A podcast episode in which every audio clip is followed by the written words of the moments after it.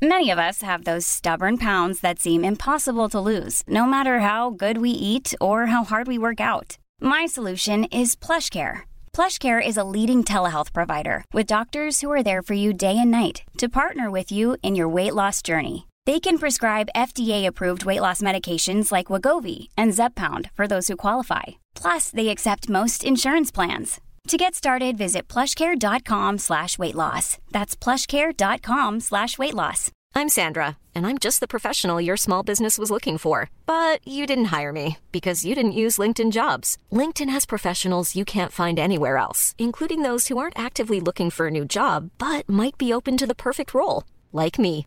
In a given month, over 70% of LinkedIn users don't visit other leading job sites. So if you're not looking on LinkedIn, you'll miss out on great candidates like Sandra. Start hiring professionals like a professional. Post your free job on linkedin.com/people slash people today. Cool fact a crocodile can't stick out its tongue. Also, you can get health insurance for a month or just under a year in some states. United Healthcare short term insurance plans, underwritten by Golden Rule Insurance Company, offer flexible, budget friendly coverage for you. Learn more at uh1.com. Everyone knows therapy is great for solving problems, but getting therapy has its own problems too, like finding the right therapist, fitting into their schedule, and of course, the cost. Well, BetterHelp can solve those problems. It's totally online and built around your schedule. It's surprisingly affordable too. Connect with a credentialed therapist by phone, video, or online chat, all from the comfort of your home. Visit betterhelp.com to learn more and save 10% on your first month. That's BetterHelp, H E L P. I don't need a lot of brains in this business. I mean, I've always said if you got an IQ of 160, give away 30 points to somebody else because you don't need it in investments. What you do need is emotional stability. Wow. Very first tech IPO, and it's a big one. Stock market hit an all-time record high today. A crash is coming. Now, whether it's six months from now, 12 months, 36 months, no one knows. There's a bear market about every five years. We've gone eight years without one. People have to realize this is the biggest IPO ever. Hej och välkommen till ett nytt avsnitt av Market Makers. Härligt att vara här Fabian, hur är läget? Jo men det är grymt, jag sitter och kollar på den här nyheten från Nike har ju släppt någon rätt kontroversiell eh, reklam nu med han Colin Kaepernick. Just det, han som satte sig ner på knä va, under nationalsången. Ja, men så är det. Och aktien har ju gått ner 2,5-3% sedan dess. Och eh, jag förstår inte riktigt varför. Det är kontroversiellt i USA. Som svensk, jag förstår inte riktigt grejen. Jag förstår inte varför du sitter och kollar på nyheter när vi ska spela in podd, men det är en annan fråga. Nej, men jag såg det också, och sen så läste jag, hade de lagt som en liten en byline, eller vad man säger, en liten sidotext, hade de sagt också att nu, de har gjort om reglerna så att istället, man får inte sätta sig ner under ceremonin fortfarande, under liksom nationalsången. Däremot kan man välja att, att inte vara med under ceremonin när man sjunger nationalsången. Så då kan man stå utanför om man vill protestera. Så är det med det. Och eh, Jag såg en annan nyhet precis innan vi gick in också. Det var ju att eh, EU gick ut med att man ville tvinga egentligen eh, streamingbolag att producera lokalt innehåll. Eller snarare visa att 30% av innehållet på till exempel Ja! Netflix och HBO och sånt ska då vara lokalt producerat. Fan, och det, äl- älskar, vad heter hon svenska, hon som är tillsammans med Colin Nutley? ja, eh, Helena Bergman, heter hon Helena så? Bergström tänker du på. Bergström. Precis, som gråter Så filmer. fantastiska filmer, 30% av Netflix katalog. Ja! det blir härligt. Och framförallt är det ju helt idiotiskt. Eller ja, det kanske inte är idiotiskt om man gillar när staten kontrollerar vad vi får se på den fria marknaden som då inte längre är Men det fri. var som jag sa Men det är en helt annan fråga. Det är ändå val nu, så tänk på vad ni röstar på. Men det var som jag sa till dig in- innan, eh, kanadensisk radio gör ju redan det här för musik. Att du måste ha en viss procentuell del av, liksom, som är producerat i Kanada. Och det är ingen som vill ha det. De bara tvingas stå Förutom de som gillar Brian Adams, han är väl kanadensare? Så Ja, det det är är sant. bara Summer of 69. Nu kör vi igång. Vi drar igång ett nyhetssvep. Vi har, vi har redan bränt all tid vi har på introsnack. Eh, vi fick ingenting vettigt sagt. Så, vidare till någonting vettigare. Ja, och vi kommer ju snacka om någonting vi liksom, vi har ju egentligen snackat om det här rätt mycket senaste avsnitten. Men det är ju å andra sidan the story of the year lite grann. Ja, och eh, det är den här killen, Eric Cinnamon, har vi snackat rätt mycket om. Och han kommer från Bottom Up Economist. Och han har ju publicerat en rapport för eh, Q2 i stort sett, där han läser över 300 amerikanska bolagsrapporter. Och då får han alltså, han får en rätt unik insikt i ekonomin och det här är troligtvis bättre än ekonomibarometrar eller indikatorer som man liksom ser lite här och var. Det ska också tilläggas att han lyssnar ju på lika många conf calls också, så de här, eh, ja, de här samtalen man har efteråt när man presenterar bolagsrapporten. Så han har, och, och för väldigt noggrann statistik gör han ju över vad folk säger egentligen, vilka ord som poängteras och så. Ja, och enligt Cinnamon så visar bolagen faktiskt tecken på stärkning under Q2 med väldigt få tecken på avmattning. Och eh, det här är faktiskt fjärde kvartalet i rad med förbättrade så kallade consumer fundamentals, alltså konsumentfundamenta eller fundamenta från konsumenterna. Och eh, rent allmänt så är ledningar mer positiva till både omsättning och vinsttillväxt än tidigare kvartal. Men å andra sidan så brukar väl folk extrapolera linjärt, man tror att det ska fortsätta som det alltid De brukar varit. alltid vara mest positiva i slutet. Exakt, för att det har gått så bra tidigare. Eh, I alla fall, för cirka ett år sedan, och det här är det vi har pratat om tidigare, så började ju ledningar i allmänhet prata mer om kostnadsinflation. Och Det här har accelererat för varje kvartal sedan dess och diskuterades av nästan samtliga företag nu under andra kvartalet. Samt att det här faktiskt börjar visa sig nu i de finansiella resultaten. Det är genomgående för i stort sett alla sektorer dessutom. Kostnadsinflationen förväntas agera motvind framöver och det påverkar inte bara finansiella resultat utan även kostnadsstrukturer. Så efter fyra kvartal med press från ökade kostnader så planerar nu ledningar för nästan samtliga företag prishöjningar för sina produkter. Det kan man hålla utkik på. Ja, och det som är intressant är att det har ju visat sig under Q2 att de, de företag, man kan säga så här, det har inte varit något lagg mellan ökade kostnader och prisökningar. Så att det som betyder med det här är att prisökningar, det är accepterat genom hela värdekedjan och det innebär att de företag som redan har ökat i pris Ja, de har haft lite av en first movers advantage och de har faktiskt tenderat att ha visat bäst finansiella resultat under Q2.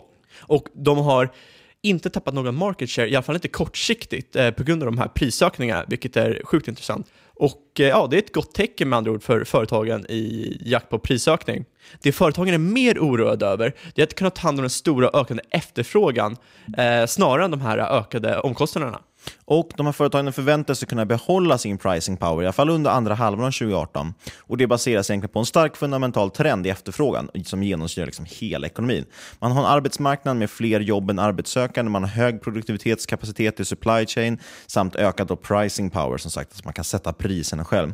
Och Under andra kvartalet visar företagen på högre pris för material, man visar så högre pris för komponenter, konstruktion, arbetskraft, transport, bensin och får inte nämna räntor som höjs då i USA. Återigen, vi pratar om amerikansk ekonomi.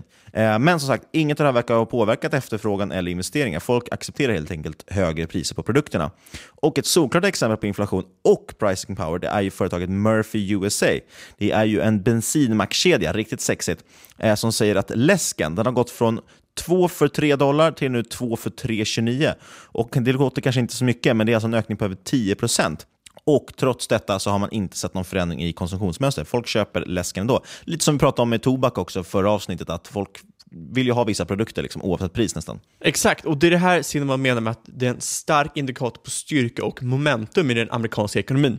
Företag kan skicka vidare sina egna kostnader på sina konsumenter utan att det förändrar konsumtionen, i alla fall just nu. Däremot så tror Cinnamon att eh, rapporterad och förväntad inflation från företagen, ja, det understiger den faktiska inflationsrisken i ekonomin. Så att inflationsrisken är faktiskt högre enligt Cinnamon. Och det här ska ställas mot vad Fed-chefen Pauls eh, har sagt, att inflationen har rört sig mot 2% och de inte ser något tecken på acceleration över 2% framöver eller någon risk för överhettning i ekonomin.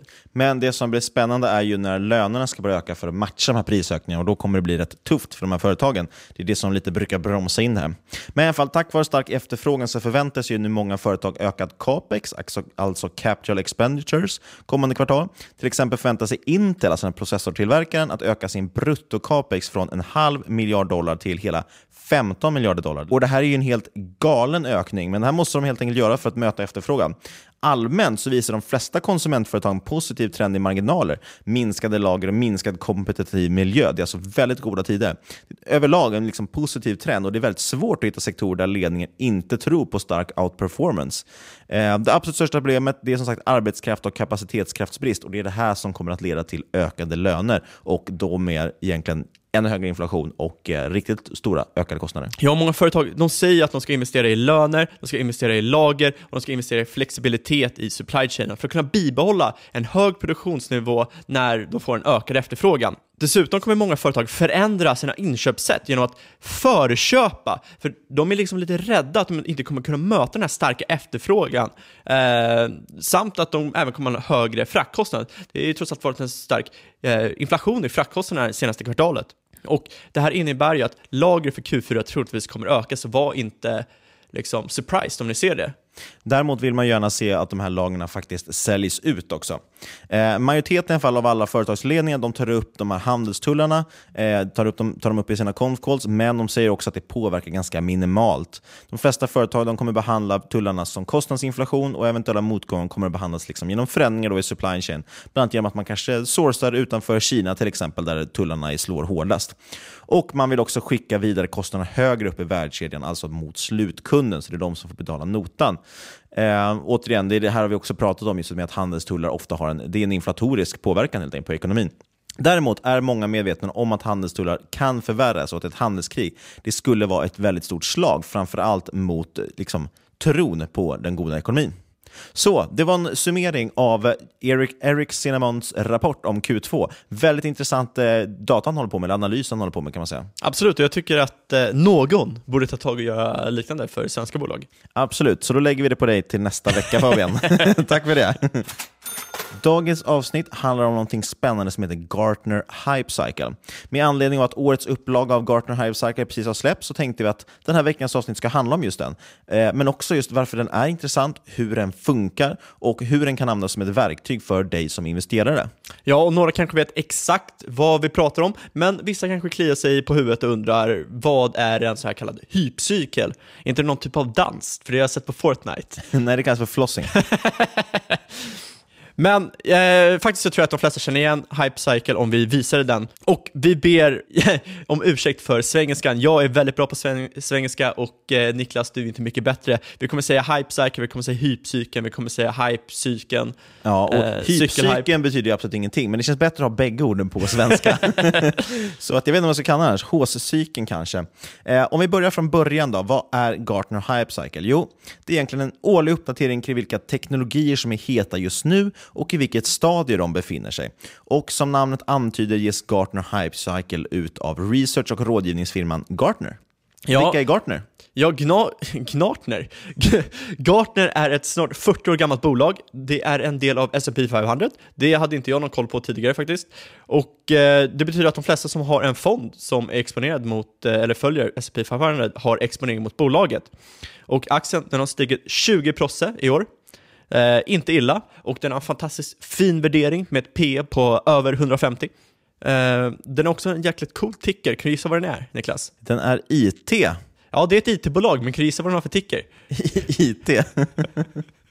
Ja, Gartner i alla fall, det är ett företag som de rådger företag kring teknologi, men de gör också såklart egen research inom ämnet. Och deras två kändaste metoder för att liksom delge världen sina resultat är så kallade Magic Quadrants och Hype Cycle. Och magiska kvadranter och hypcyklar låter ju jättespännande. Det är ju dock egentligen bara ett sätt att visualisera olika saker för att det ska bli liksom begripligt och för att man lättare ska kunna paketera ihop det man gör som att det vore någon fantastisk modell man kan sälja jättedyrt till sina kunder. Eh, men man använder i alla fall de här verktygen för att titta på många olika områden. Och Vi kommer framförallt i det här avsnittet fokusera på den hype-cykel som ofta diskuteras, nämligen som visar stora teknologiska trender. Men det är så att om jag har, jag för mig att det är nästan 90 stycken olika hype-cycles de presenterar varje år, så det är, finns inom alla olika möjliga spännande teknologier. Ja, tanken med den här hypcykeln, ja, det är som sagt att försöka identifiera stora teknologiska skiften och var de ligger i tiden just nu. Och det finns givetvis en massa med kritik man kan rikta mot det här. Till exempel att det är nästan omöjligt att prognostisera hur snabbt en teknologi ska utvecklas, eller bara för den delen hur mycket genomslagskraft den kommer att få. Dessutom är det ofta svårt att upptäcka riktigt banbrytande idéer tillräckligt tidigt. Men oaktat den kritiken så finns det ju fortfarande lärdomar man kan dra från den här hypcykeln och det är det vi ska titta på. Och det är framförallt väldigt många spännande teknologier som presenteras som man kanske inte känner till, så att bara det kan man använda den här hypecykeln till att få liksom uppslag för spännande idéer idéer och sektorer man ska kolla på? Ja, det bästa sättet att förstå cykeln är att titta på den på bild. Och för att underlätta för dig, kära lyssnare, så har vi den som porträtt för dagens avsnitt. Baboom! Baboom. ja, så kolla ner i din mobil just nu, eh, speciellt om du kör bil eller cyklar. eh, och titta hur den här cykeln ser ut. Ja. Cykeln. Cykeln. Precis, den finns redan på din skärm. Det är ju fantastiskt. Vilken otrolig teknologi. När tror du att smartphones dök upp på hype-cykeln? Jag skulle gissa att det var 2007. De dök aldrig upp för det kom så oväntat, gick så fort. Oj, oj, oj. Ja, för jag har faktiskt kollat igenom alla hype cycles till eh, ungefär 15 år tillbaks.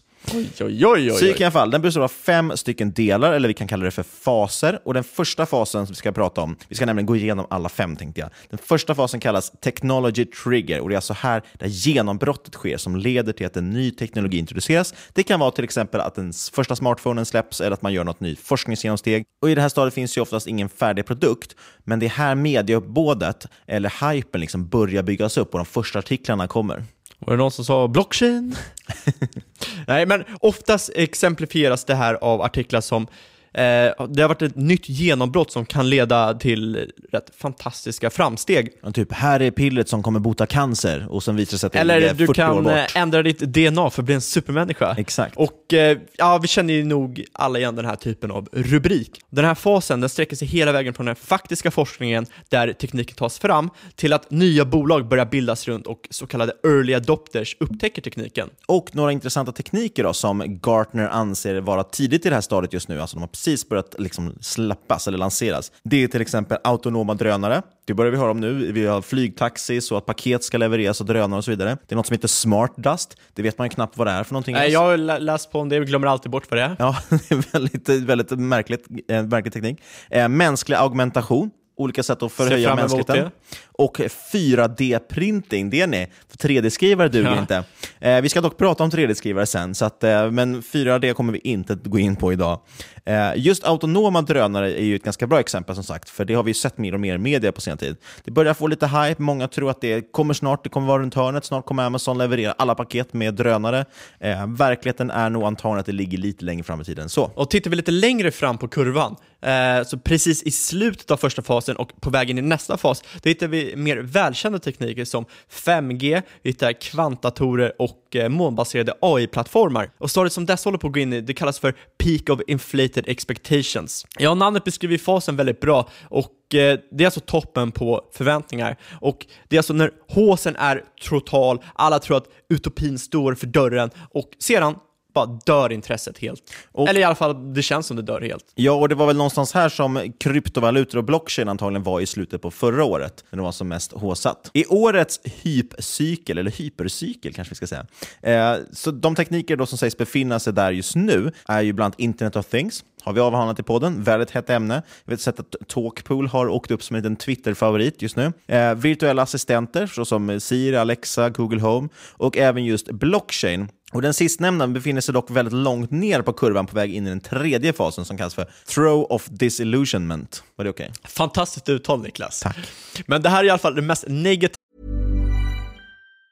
Hi, I'm Daniel, founder of Pretty Litter. Did you know cats tend to hide symptoms of sickness and pain? I learned this the hard way after losing my cat, Gingy. So I created Pretty Litter, a health monitoring litter that helps detect early signs of illness by changing colors, saving you money and potentially your cat's life. Pretty Litter is veterinarian developed, and it's the easiest way to keep tabs on your fur baby's health right at home. Go to prettylitter.com and use code ACAST for 20% off your first order and a free cat toy. Terms and conditions apply. See site for details. Everyone knows therapy is great for solving problems, but getting therapy has its own problems too, like finding the right therapist, fitting into their schedule, and of course, the cost. Well, BetterHelp can solve those problems. It's totally online and built around your schedule. It's surprisingly affordable too.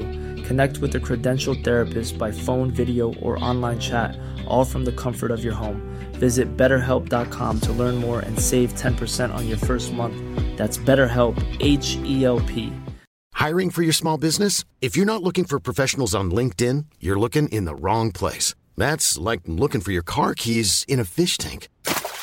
LinkedIn helps you hire professionals you can't find anywhere else, even those who aren't actively searching for a new job but might be open to the perfect role. In a given month, over 70% of LinkedIn users don't even visit other leading job sites. So start looking in the right place. With LinkedIn, you can hire professionals like a professional. Post your free job on linkedin.com/people slash people today.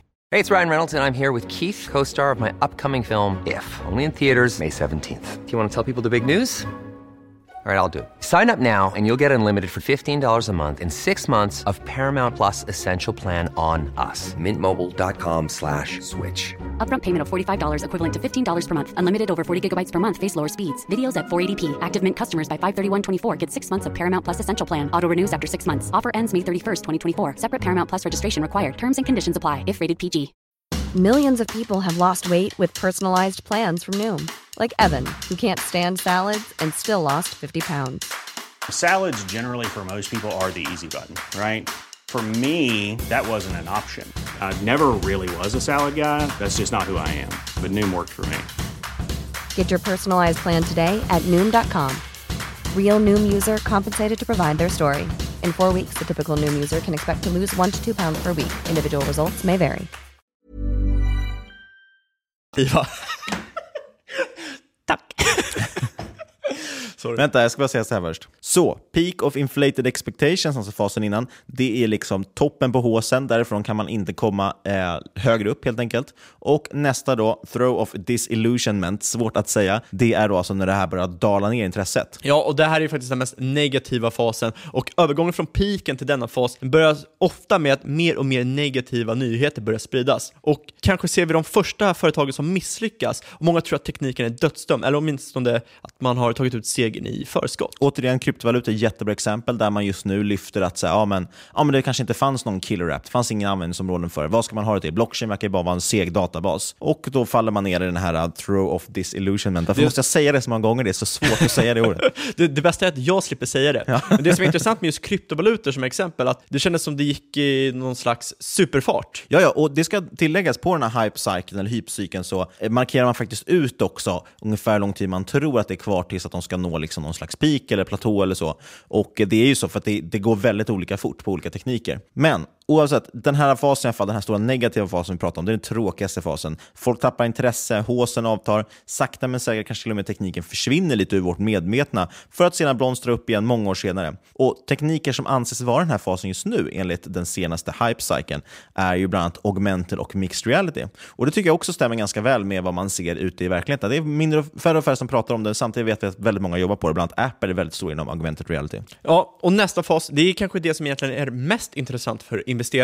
För det kan ju vara jättekul och belönande att vara med i håsen. Jag vet att vi tyckte det var svinkul att vara med i kryptohåsen och Mariana och allt sånt. Och sen är ju askort och korta hela vägen ner från toppen. Då är man riktigt cool. Men de här rörelserna kan vara otroligt kraftiga, man kan bränna sig eh, rätt rejält, de är oberäkneliga, de är jäkligt svåra att tajma. Och eh, därför gör man egentligen klokt i att snarare försöka hitta tekniker som befinner sig i den fjärde fasen, den som kallas för slope of enlightenment. Precis, och det här är ingen sexig snabb fas, utan det är liksom en långsam kamp upp från botten. Så du har sänkt allting ner till botten. Ofta då ser man värderingarna är ju lägre på de här företagen och annars sen kan det vara svårt lite att hitta rätt för att de oftast gör inga vinster heller nödvändigtvis. Men det är här man faktiskt börjar göra det produktiva arbetet. Och man brukar räkna att i den här fasen, ja då säger man att mindre än 5% av kanske av den potentiella marknaden har börjat använda tekniken på riktigt. Och någonstans här brukar också andra eller tredje generationens produkter baserade på tekniken lanseras. Så här behöver man faktiskt se de riktiga användbara produkterna. Ja, det är någonstans här man ser en liksom ljusning och framförallt så förstår man så träder ju nyttan fram eh, för hur produkten ska kunna användas. Det träder ju fram i ljuset. Ja, precis. Ett bra exempel om vi tar smartphones igen. När den första iPhonen kom så var inte den jättespännande, för den hade ju dessutom inget eget... Den hade inte 3G helt enkelt, så man kunde inte använda den utomhus. Nej, Det var väl när Den- 3GS kom som det blev riktigt. Ja, precis. Man kunde ju förstås använda den utomhus om man hade wifi utomhus. Men ni fattar vad jag menar, man hade liksom inte den, den här uppkopplingen som jag har idag. Och det, och det var först andra tredje generation som var Ja, intressant. framförallt fanns ju inte App Store än. Nej, precis. Så är det också. Eh, I alla fall, i årets upplaga av Gartner Hype Cycle har man faktiskt inte angett en enda teknologi i den här fasen. Eh, tittar man däremot på förra årets Hype Cycle, bara för att ge ett exempel, så var virtual reality på väg upp för den här kurvan. Eh, personligen anser vi i alla fall som sagt att den här fasen är nog mest intressant. Och därför tänkte vi att vi skulle dyka in lite i en teknologi som vi själva placerar någonstans i slutet av den här fasen, nämligen 3D-printning. Eh, men mer om det lite senare. Så Vi vilken... har ju en fas kvar. Ja, och vilken är den sista fasen kan man fråga sig. Den kallas för Plateau of Productivity. Och eh, det är den här fasen som vi börjar nå större adoption och eh, tekniken bredde ut sig rejält och man upplever en rejäl tillväxt, både i form av användare och eh, utveckling. Och det är kanske är någonstans här man frågar sig, hur gjorde vi innan den här tekniken fanns? Eller man tycker den är så självklar att man inte ens fattar att, att vi inte hade den innan. Det var självklart också att man inte investerade i den. Ah, jag såg att det här skulle hända, varför investerade jag inte? Exakt, en klassisk sägning faktiskt. Eh, givetvis tar livet inte slut här för en teknik och det finns säkert möjlighet att ta fram en slags omvänd hype cycle, eh, vad ska vi kalla det för? Bass cycle, där man ser en teknik liksom bli utbredd, sakta in och sedan dö ut eller bli ersatt något annat. Men jag antar att den cykeln inte är lika lätt att sälja in till sina kunder, för att det inte är lika roligt att prata om heller. Nu har vi tagit oss igenom de fem stadierna i den så kallade Gartner Hype Cycle, eller hypcykeln som vi gillar att kalla Som market makers säger. Och för att summera så kan man ju säga att eh, skeendet börjar med att en teknologi upptäcks, media börjar få nos om tekniken och eh, drar på alla växlar. Det här ledde till masshysteri och eh, allt för höga förväntningar, både på teknikens möjligheter men också hur fort det kommer gå. Och till slut så kommer folk tappa modet och inse att ah, det här var nog för bra för att vara sant. Och samtidigt pågår i bakgrunden faktiskt någon typ av produktutveckling och med årens gång så börjar tekniken faktiskt bli riktigt bra och eh, så småningom så mynnar det här ut i helt fantastiska bolag. Det tar bara tid. Exakt, och det är de man såklart vill hitta. Och återigen, titta på bilden i din telefon så ser du verkligen tydligt hur den här cykeln följer de här olika faserna. Och allt det som den här hype-cykeln eller hypcykeln egentligen beskriver kan faktiskt kokas ner till ett väldigt bra eh, citat som kallas Amaras lag, uppkallad efter futuristen Roy Amara. Och Amaras lag lyder, det här är min svenska översättning nu då, så ni får väl ursäkta för om den är dålig. I det kortare perspektivet tenderar vi att överskatta teknologins påverkan och på lång sikt underskattar vi den. Det är du. Vad ska vi prata om nu Fabian? Ja, det vi har ju inte bjudit på ett enda case. Fantast, fantastiskt Det skulle vara Gart citat. Gartner då kanske? Ja, jäklar. Var, P150 för ett konsultbolag, det låter ju superspännande. Det, det skulle vi gjort faktiskt. Nej, vi ska snacka lite om 3D-printing. Och det blir tyvärr ganska kort, men vi vill ändå bjuda på åtminstone något intressant case för att eh, kunna bli inspirerad av hypcykeln. Exakt. 3D-printing eller 3D-skrivare fanns inte med på årets Gartner Hype Cycle. Men Fabian, den har funnits förut. Tekniken dök upp första gången på Gartner Hype Cycle 2007. Det är alltså året innan finanskrisen och samma år som den första iPhonen kom. Det året var 3D-printing inne i piken då på sin hype enligt Gartner. Och något som förresten var ganska långt gånget i sin utveckling det året, om man nu ska gå tillbaka lite och vara lite nostalgisk, det var ju location aware applications, alltså applikationer som nyttjar din position. Och frågan man kan ställa sig idag är, finns det någon app i telefonen som inte nyttjar GPS och wifi för att avgöra din position idag? ja, det var inte en sån fråga, det var inte meningen att ställa det mot väggen. I alla fall, det är en riktig nostalgitripp att titta tillbaka på gamla utgåvor av Hypecycle.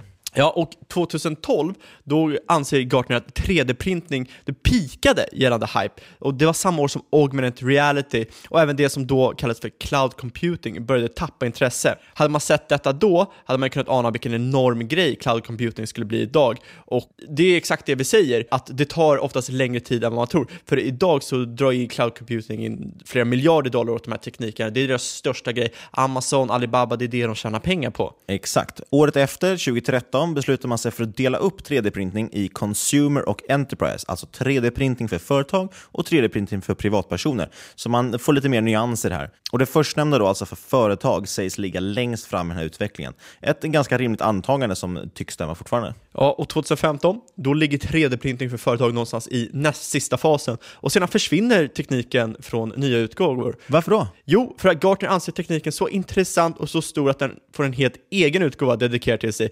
Gartners 3D Printing Hype Cycle som beskriver olika delar av 3D-printing och vilka faser dessa befinner sig i. Och nu tänker jag så här Fabian, vi kanske borde berätta vad 3D-printing är.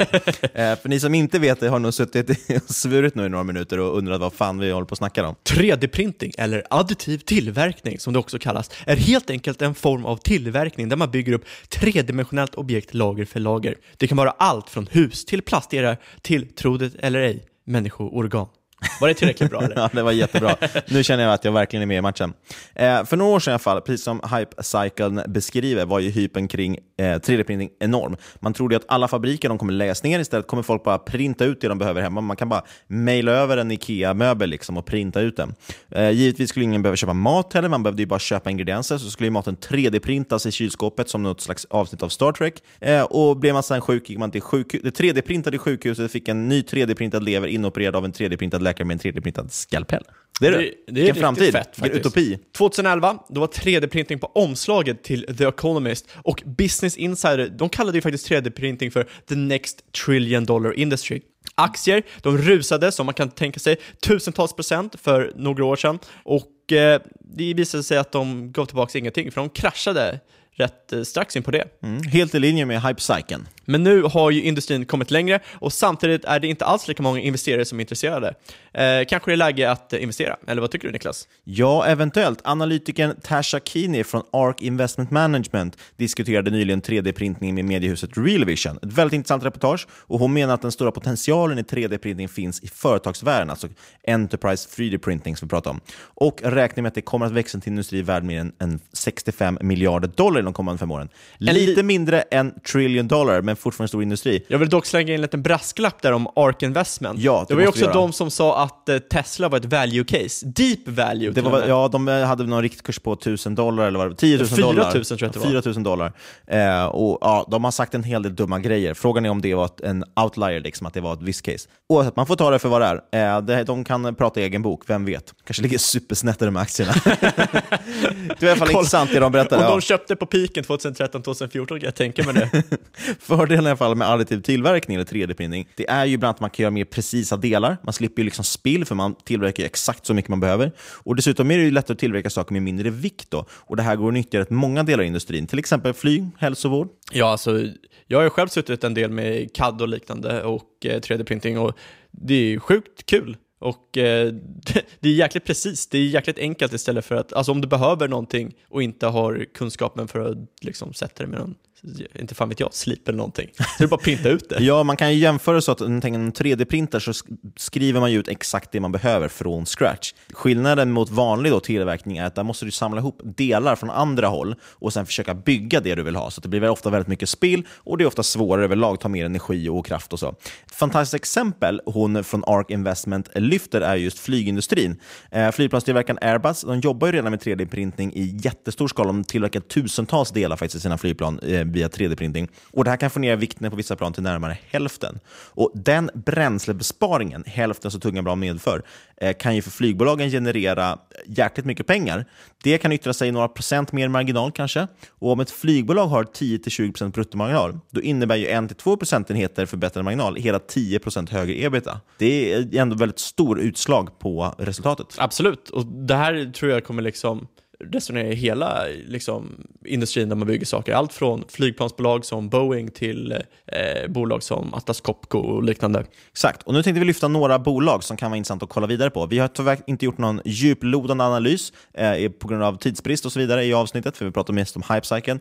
Eh, vi ska också nämna att, eh, som vanligt, det här är ingen rådgivning, man ska göra ingen reaches, bla bla bla. Men här kommer fyra intressanta bolag. Eh, Stratasys Inc. ticker SSYS. Eh, bolaget nämns som en favorit av Kini och aktien handlas till närmare book value, vilket är jäkligt intressant i dagens Värde marknad. Eh, EV Sales ligger också på ett och bolaget tillverkar 3D-printers med fokus på kunder som vill ta fram snabba prototyper. Eller varför inte 3D Systems Corp med den smarta artikeln DDD? Fattar du det?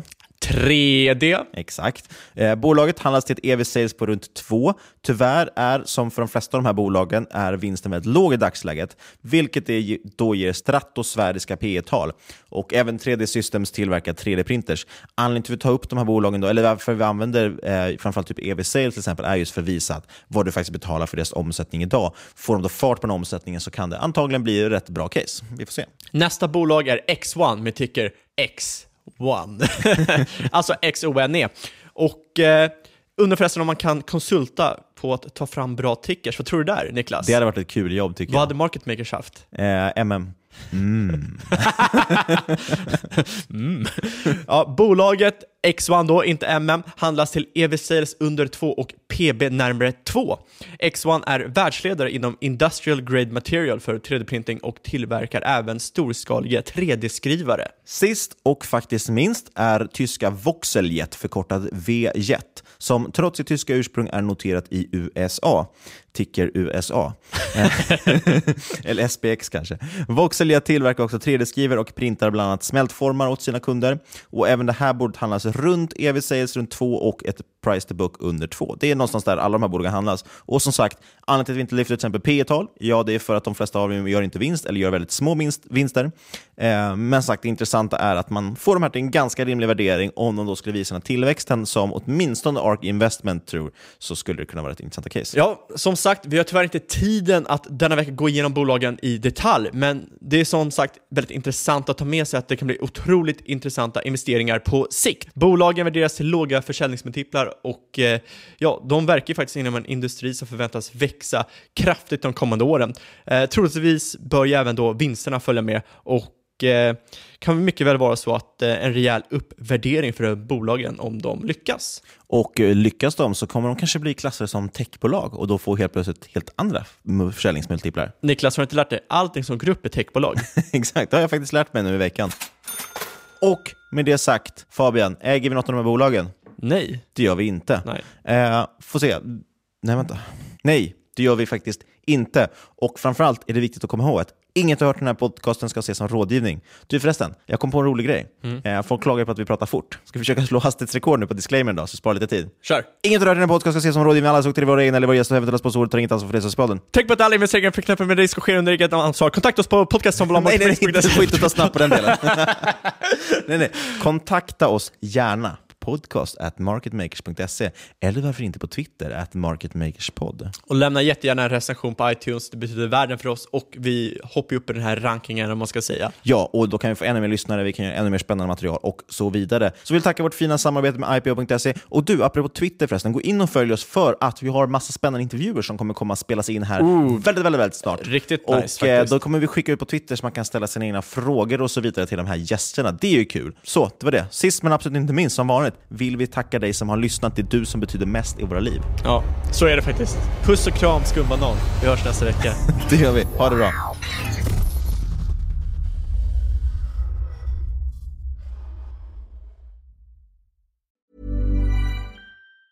Mom deserves the best, and there's no better place to shop for Mother's Day than Whole Foods Market. They're your destination for unbeatable savings, from premium gifts to show-stopping flowers and irresistible desserts. Start by saving 33% with Prime on all body care and candles. Then get a 15-stem bunch of tulips for just $9.99 each with Prime. Round out Mom's menu with festive rosé, irresistible berry chantilly cake, and more special treats. Come celebrate Mother's Day at Whole Foods Market.